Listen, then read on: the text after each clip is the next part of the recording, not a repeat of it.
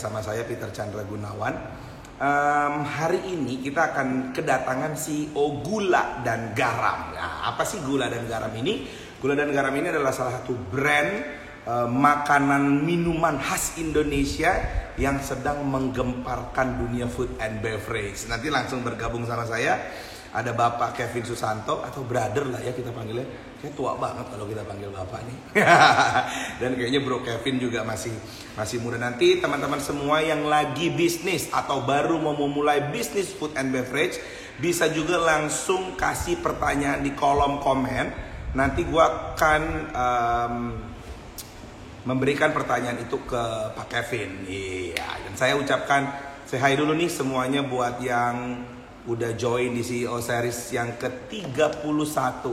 Ya, saya doa buat kita semuanya dalam keadaan sehat, semuanya dalam keadaan yang luar biasa, ya kan? Ini ada yang dari Bandung ya masuk, ada yang dari Jogja juga sudah masuk, semuanya apa kabar? Ya kan, ada Kokobun udah masuk.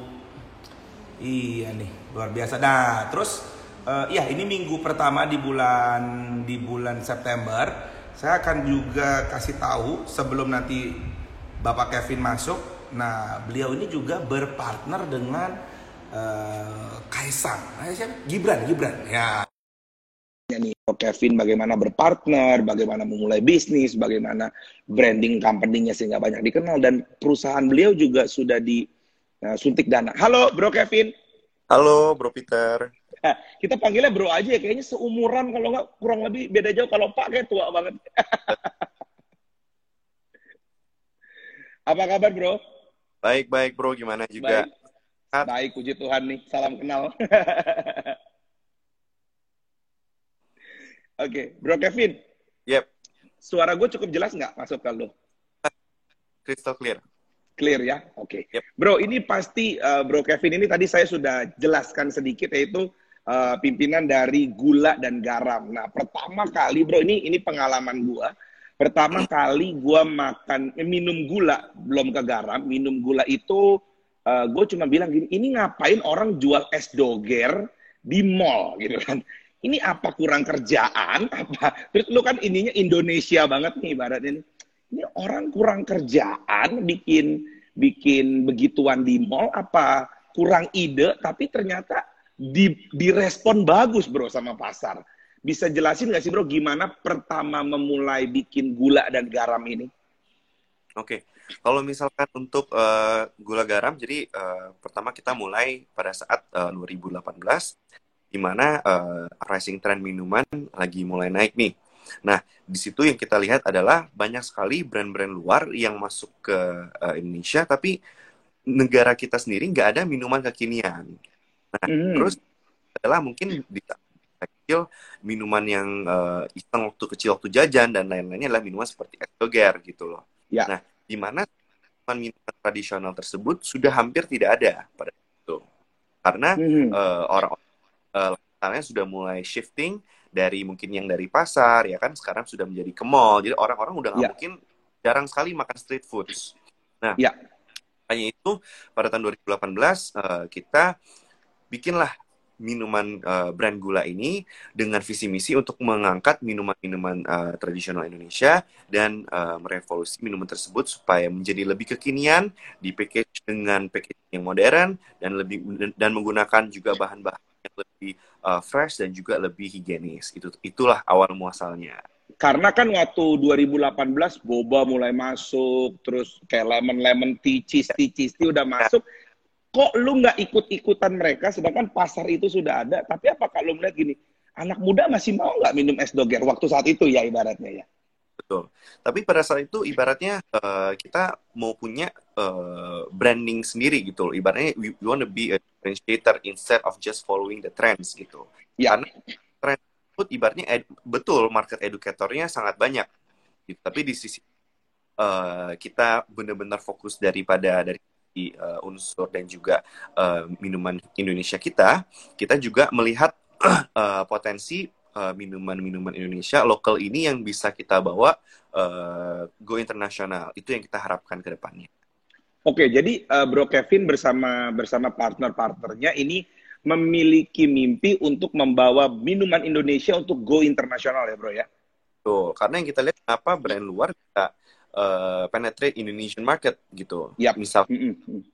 uh, Thai tea ataupun bubble tea which is dari Taiwan. Yep.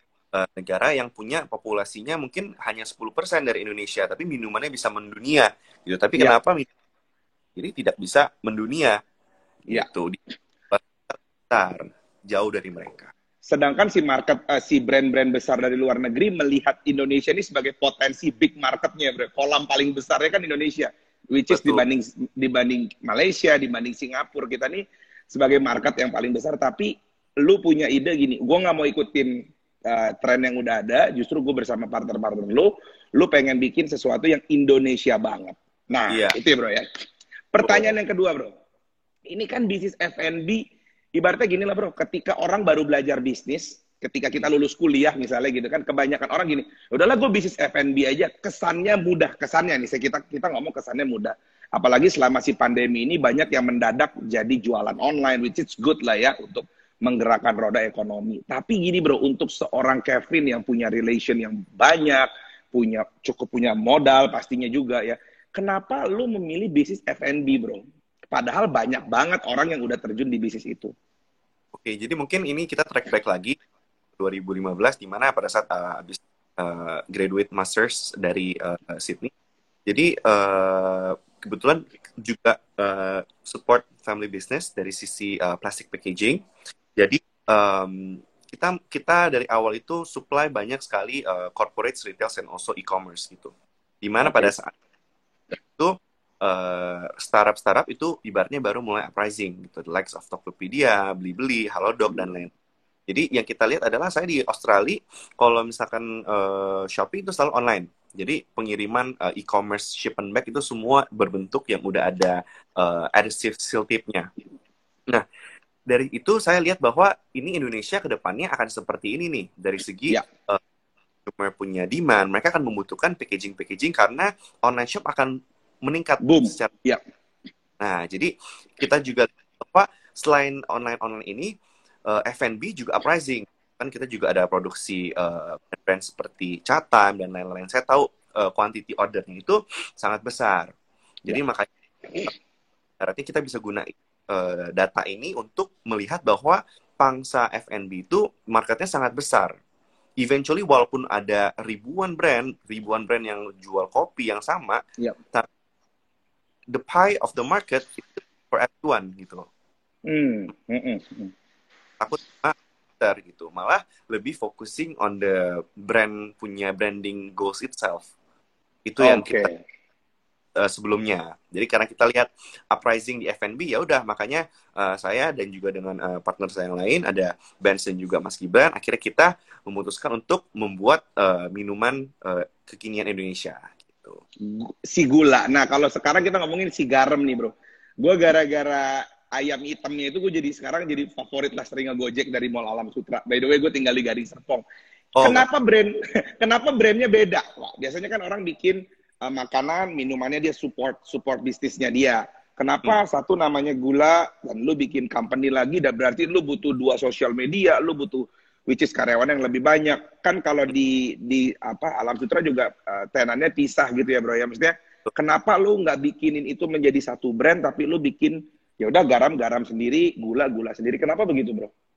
Jadi kalau misalkan garam ini uh, itu kita uh, bangun kira-kira empat uh, bulan setelah kita uh, dapat fundraising dari visi.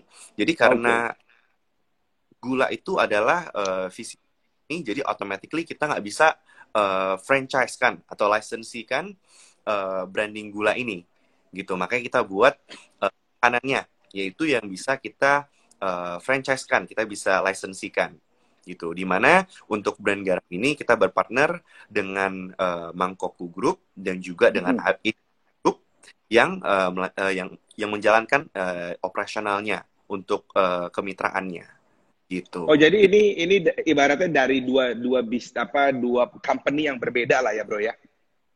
JV is JV company gitu. Ya ya. Oh wow wow. Terus gimana bro marketnya um, si uh, garamnya ini karena uh, gue lebih jadi sekarang jadi lebih sering pesen sih makanannya karena memang doyan makan gitu kan. Jadi menurut gue lu punya taste kan itu kan apa rice bowl itu kan juga udah banyak banget lah ibaratnya. Apalagi ya setelah pandemi ini orang bikin rice bowl semua gitu kan. Tapi jadi, lu punya itu uh, gimana cara memarketingnya, bro? Oke, jadi untuk yang si garam uh, konsep konsepnya visi misinya tidak uh, lari jauh dari gula yaitu again we wanna have more local brands yang bisa uh, potentially bring it to uh, international dan juga untuk garam ini uh, kita punya tagline adalah uh, Indonesian street snacks revolutionize gitu loh. Hmm. Jadi kita hmm. buatnya snack-snack Indonesia. Nah, Indonesia adalah uh, market yang paling suka mengkonsumsi ayam tentunya ayam goreng. Iya, gitu kan? betul, exactly. Buat kita juga appreciation, which is kita kasih ayam itu dengan karkol. Makanya ayamnya bentuknya hitam. Iya, iya, iya, iya. Kalau orang bilang, kalau orang-orang Cirebon tuh bilang ayam areng, bro. Tapi rasanya enak gitu. Kalau ayam hitam kan kayak, tapi tapi rasanya enak sih. Ini R&D-nya juga nah, uh, dari ya. Arno, dari ABL Group untuk ini gitu. Wow, wow, wow. Dan bro, ini ada pertanyaan lagi. Tadi kan gue bilang di depan kalau setiap kayaknya kalau di live di kita nih bro, kebanyakan klien-klien kita yang sudah menikah atau hmm. yang akan menikah. Jadinya yang akan menikah ini banyak mereka juga start bisnis juga bro ibaratnya. Nah ini pertanyaannya gini dari siapa tadi ya? Uh, dari Adit dari Ari. Nah Ari tanyanya gini bro, ibaratnya marketnya hanya anak muda saja atau lu ibaratnya punya market cukup luas. Soalnya kan gini, kalau kita bicara es doge ya tadi minuman-minuman street food Indonesia itu kan bukan cuma anak muda doang nih yang doyan. Yep. Ya hampir bokap gue juga doyan lah ibaratnya minuman itu. Tapi apakah lu lebih spesifik untuk garap market anak muda ini? sebenarnya untuk market sendiri lebih nggak kita nggak misalkan untuk uh, target anak muda aja sebenarnya bisa dibilang ya segmen semua ya hmm. karena kan misalkan S2 kembali lagi kita mau educate uh, bangsa uh, anak-anak milenial tapi tidak terlari dari oh, papa mamanya juga yang suka minuman es doger tapi mereka mau cari higienis tuh nggak ada gitu ini tuh iya betul iya iya, iya gitu. Sama juga untuk garamnya itu ibaratnya bisa jadi daily comfort food di mana saat mereka uh, butuh makanan dan mereka pengen uh, cepet kan, makanya itu banyak dengan juga uh, kita gabungkan dengan promo-promo dari uh, Grab dan juga GoFood. Oke, okay. bro. Tadi kan nggak semua gini, bro. Nggak semua orang mau bisnis uh, kuliner, and then dia mendapat pendanaan dari visi dan lu kan udah mendapat pendanaan. Gue baca kurang lebih mendapat uh, 5, 5 juta ya, bro ya, 5 juta US ya, bro ya. Nah, apa aja sih bro dengan pendanaan yang lo udah dapat, apa sih yang lo udah buat, dan pastinya kan ada beberapa plan yang tertunda karena si COVID ini, dan apa yang akan lo buat ke depan dengan ibaratnya hampir 70 miliar kalau gue baca di Kompas, Detik, dan segala macam. Apa sih yang akan lo buat dan sudah lo buat bro? Oke, jadi awalnya itu uh, kita dapatkan untuk melakukan ekspansi toko nih, gitu. Makanya uh, sebelum ini kita melakukan uh, penetrasi uh, untuk hit uh, mall-mall ibaratnya mall-mall terutama di uh, Jabodetabek dan juga uh, uh, ibaratnya untuk focusing dulu lah ibaratnya. Nah tapi karena uh, dengan adanya pandemi ini semua plan kita juga terhambat gitu Betul. karena ibaratnya mall-mall masih tutup, PSBB sudah berjalan lebih dari 4-5 bulan itu sangat tidak memungkinkan untuk uh, perusahaan kami untuk melakukan ekspansi lebih lagi karena ibaratnya kan kita awalnya bergantung pada terhadap traffic di mall. Maka okay. dengan adanya pandemi ini, otomatis uh, sit back dulu for for a while, and kita akan pikirin lagi nih uh, strategi ke depannya, bagaimana cara penetrasinya lagi dengan ibaratnya new normal yang sudah berubah dan ya ibaratnya kita harus beradaptasi dengan kondisi mm -hmm. sekarang ini. Oke, okay. Bro Kevin, Gitu. Banyak gak sih bro yang bilang ya mungkin di luaran gue nggak apa-apa makanya ketemu apa ketemu tatap muka langsung kan jadi lebih enak. Banyak gak orang yang bilang gini bro, ah uh, gula itu kan bisa sukses karena ada ada ada anaknya RI 1 atau ada anaknya ada Mas Gibran di situ. Lu bisa, tapi kan kalau soal rasa nggak enak kan tetap aja mau punya siapa kayak orang juga nggak beli kan bro sebenarnya gitu. Kalau lu ditanya orang seperti itu gimana bro? Uh, I mean banyak yang uh, sering apa namanya berkomentar demikian tapi sejujurnya kalau namanya F&B kita percuma ibaratnya lah jualan nama si A, si B, si C, si D itu kembali lagi ujung-ujungnya people akan kembali karena satu branding kedua adalah ya rasanya kalau misalnya hmm. ini yang punya siapa orang hebat tapi kalau rasanya nggak enak juga ya sama aja kan percuma gitu. Iya. Nggak enak atau kadang enak kadang enggak kadang enak kadang enggak kan juga nggak standar juga susah ya bro ya? Tuh makanya standar hmm. ibaratnya one of yang uh, faktor yang paling penting lah untuk F&B business gitu. Um, mau mau seberapa banyak sih bro kalau untuk si gula ini setelah uh, setelah pandemi lah kita anggap si pandemi ini udah over uh, berapa cabang berapa gerai uh, yang yang akan mimpi lo yang lo akan buat ke depannya bro untuk cabangnya si gula masih under plan masih belum bisa uh, I mean diceritakan karena ibaratnya hmm. pikirlah strategi yang paling tepat gimana karena hmm. ke depan pasti akan lebih uh, mobile ataupun lebih model lebih ekspansif via cloud kitchen ataupun lebih mengarah ke FMCG itu masih dalam uh, perhitungan kita sekarang. Oke, okay. bro, ada pertanyaan juga gini. Hal apa nih pasti pertanyaan paling basic lah karena kan brother bukan hanya sebagai pebisnis tapi sekarang banyak jadi pembicara juga nih diundang sama orang untuk kasih sharing atau seminar. Hal apa sih yang lu lakukan sehingga perusahaan lu dapat mendapatkan awareness dari publik, bro? Uh, sorry, boleh dulu. Apa apa yang lu lakukan supaya company lu, perusahaan lu, si gula dan si garam atau company lu yang lain mendapatkan awareness dari publik, perhatian dari publik? Kalau misalkan dari segi apa namanya uh, awareness sih sebenarnya kembali lagi ke bukan hanya kepada saya sendiri, tapi juga kepada uh, the brand itself and also the whole company gitu. Karena ibaratnya sekarang uh, di digital era 4.0 ini yang orang-orang fokus dan perhatikan adalah sebenarnya apa sih strategi marketing, apa sih konten yang kita buat. Hmm. Gitu. Karena uh, we can say now that content is like the king and then the marketing is the queen. Jadi gimana produk kamu, misalkan produkmu kurang bagus tapi story kamu bagus, kamu punya uh, penetration apa namanya dari marketing strategi bagus, itu akan bisa saling membantu gitu. Makanya kembali lagi untuk awareness dan lain-lain adalah lebih harus uh, ada purpose dari segi visi misi perusahaan tersebut dan juga integrity dari bisnis tersebut. Itu sih dari saya. Wow, oke. Okay. Bro, ini juga ada pertanyaan lagi. Kayak misalnya, uh, gue punya anak umur 3 dan 2 tahun. Kalau ke mall, biasanya mereka biasanya minta Thai tea. Ya, mereka udah tahu lah, cheese tea bagaimana sih cara lu bisa memperkenalkan uh, sebenarnya ini kan minuman-minuman kita zaman SD lah ya es doger gitu kan ya itu kan minuman-minuman di depan di depan sekolah lah kalau kita bilang ya kalau sekolah gue sih di depan-depan sekolah gitu kan bagaimana memperkenalkan itu ke ke generasi baru nih bro apa generasi bukan milenial ya apa ya sebutan generasi dia lebih generasi TikTok lah nih kita bilang ini anak-anak yang masih muda banget gitu kan let's mereka SMP gitu kan Kadang mamanya ngomong, udah deh jangan minum yang di pinggir jalan gitu, nanti perutnya mencret. Biasanya kan kayak gitu kan. Kita lebih Betul. menjaga anak-anak kita untuk tidak jajan-jajan seperti itu.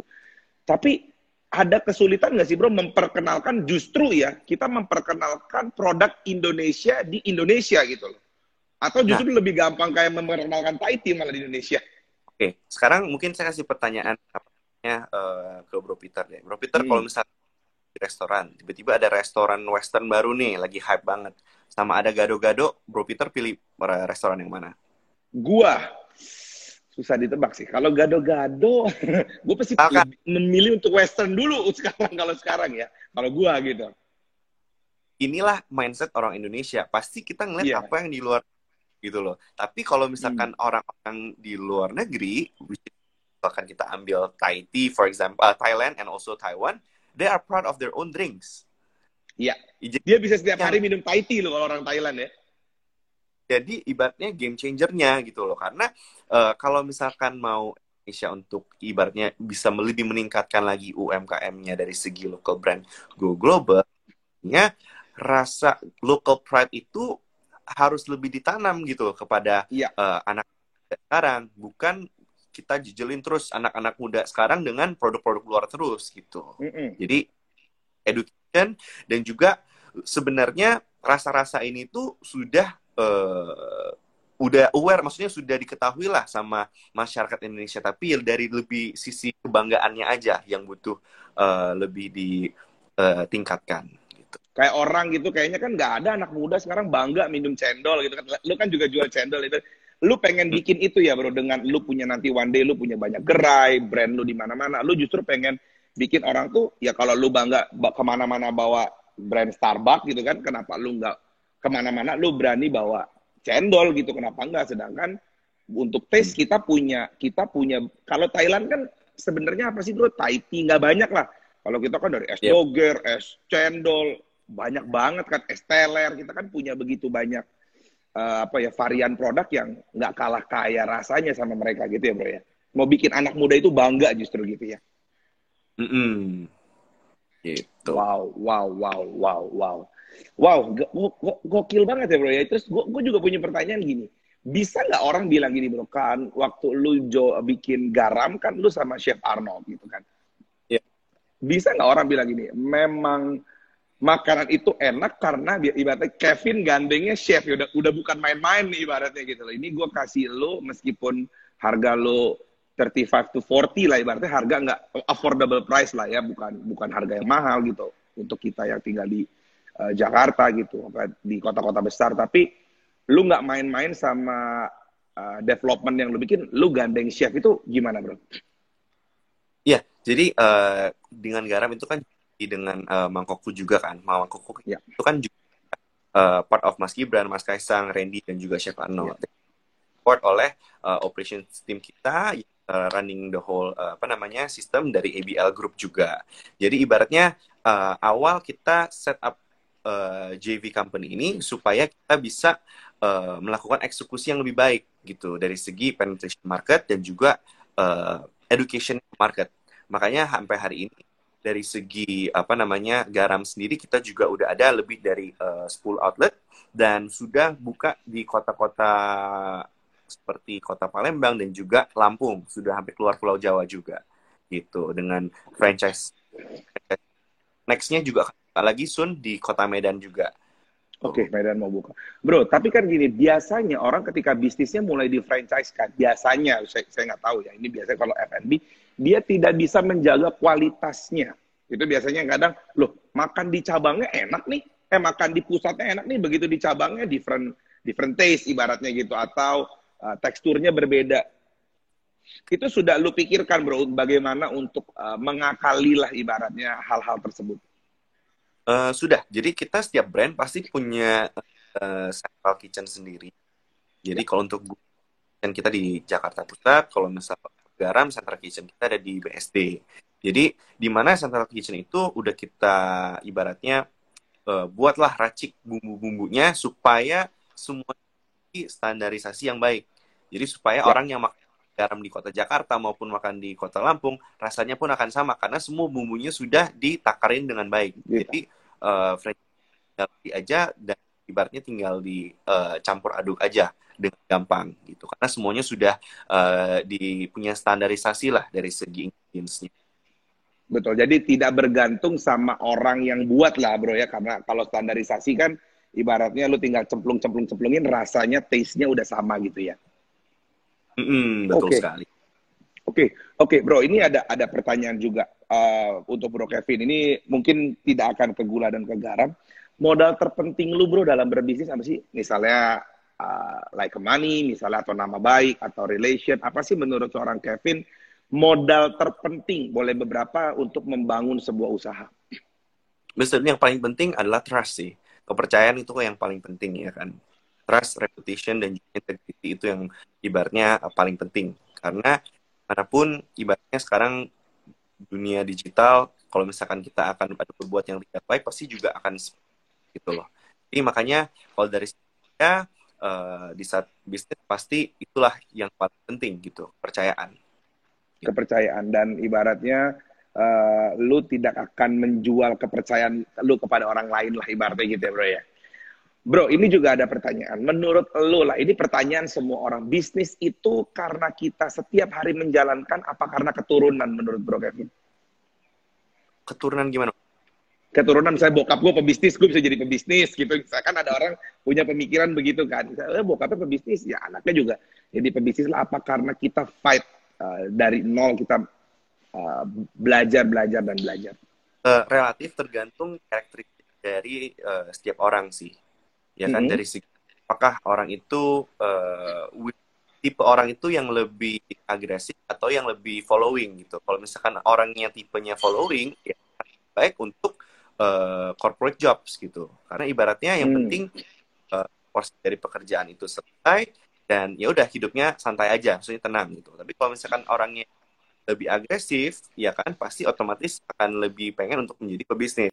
Karena gimana pun dia akan cari untuk buka jalan sebanyak-banyaknya supaya semua supaya dia bisa menciptakan ekosistem dari uh, bisnis dia sendiri.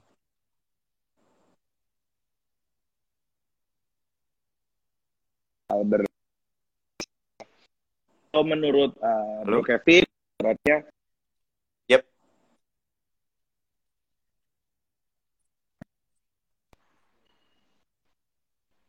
Halo? Uh, putus Halo? tadi, Bro. Halo? Oke, ini udah jelas ya, Bro ya? Halo, ya, halo. sekarang udah, udah jelas, bro? baru sambung lagi. Udah. Oke. Bro, ini ada pertanyaan juga. Di era new normal atau di era kita masih di di tengah-tengah pandemi seperti ini, ibaratnya banyak brand yang menurunkan harganya, banting-banting harga, uh, kasih diskon gila-gilaan. Menurut lu gimana sih bro? Apakah memang itu satu-satunya cara untuk save your company gitu bro? Iya betul sih. Maksudnya tidak heran lah. Ibaratnya di new normal ini, uh, ibaratnya uh, makin besarnya perusahaan kamu, kamu akan makin suffering gitu the bigger you are the more suffer you will be gitu jadi uh, itu merupakan menurut saya hal-hal yang wajar ibaratnya di masa pandemi ini semua orang mengeluarkan seribu juz lah intinya untuk bisa bertahan hmm. hidup dulu gitu karena uh, ibaratnya pandemi ini hits F&B sector the most after the traveling industry juga jadi intinya makanya untuk pemain F&B harus uh, berinovasi sebanyak-banyaknya dan harus benar-benar matangin strateginya saat di mana setelah post pandemic ini ibaratnya kita masih ada pensiun masih ada strategi untuk get back into the game gitu karena yeah. dulu intinya satu udah di level 100 yang satu masih di level 70 tapi sekarang gara-gara pandemic ini ibaratnya semua turun lagi turun lagi betul ke, ke, ke apa namanya garis start gitu nah examnya adalah nanti pada saat uh, the pandemic is over, siapa yang bisa lari paling kencang lagi? Itulah yang akan paling diuji. Dan pastinya Kevin udah mempersiapkan semua strategi terbaiknya untuk run after the pandemi ini. Bro, thank you so much buat 30 menit yang menurut gue udah menjadi daging nih buat teman-teman yang mau mulai bisnis, yang mulai terutama di bisnis F&B. Thank you so much bro, sukses terus untuk gula dan garamnya kita doain juga lah bisa membawa Indonesia uh, brand-brand uh, minuman Indonesia ini keluar negeri. Jadi kalau kita keluar negeri ini bukan cuma minum Thai tea, tapi kita bisa ketemu es cendol, es dogir, es teler. Jadi karena kita bangga local dengan dengan ya yeah, local brandnya kita bisa ke mana-mana. Thank you so much bro. Thank you so much. Thank you so much. God bye. bless you bro. Bye bye. Thank you. Wow. 30 menit yang uh,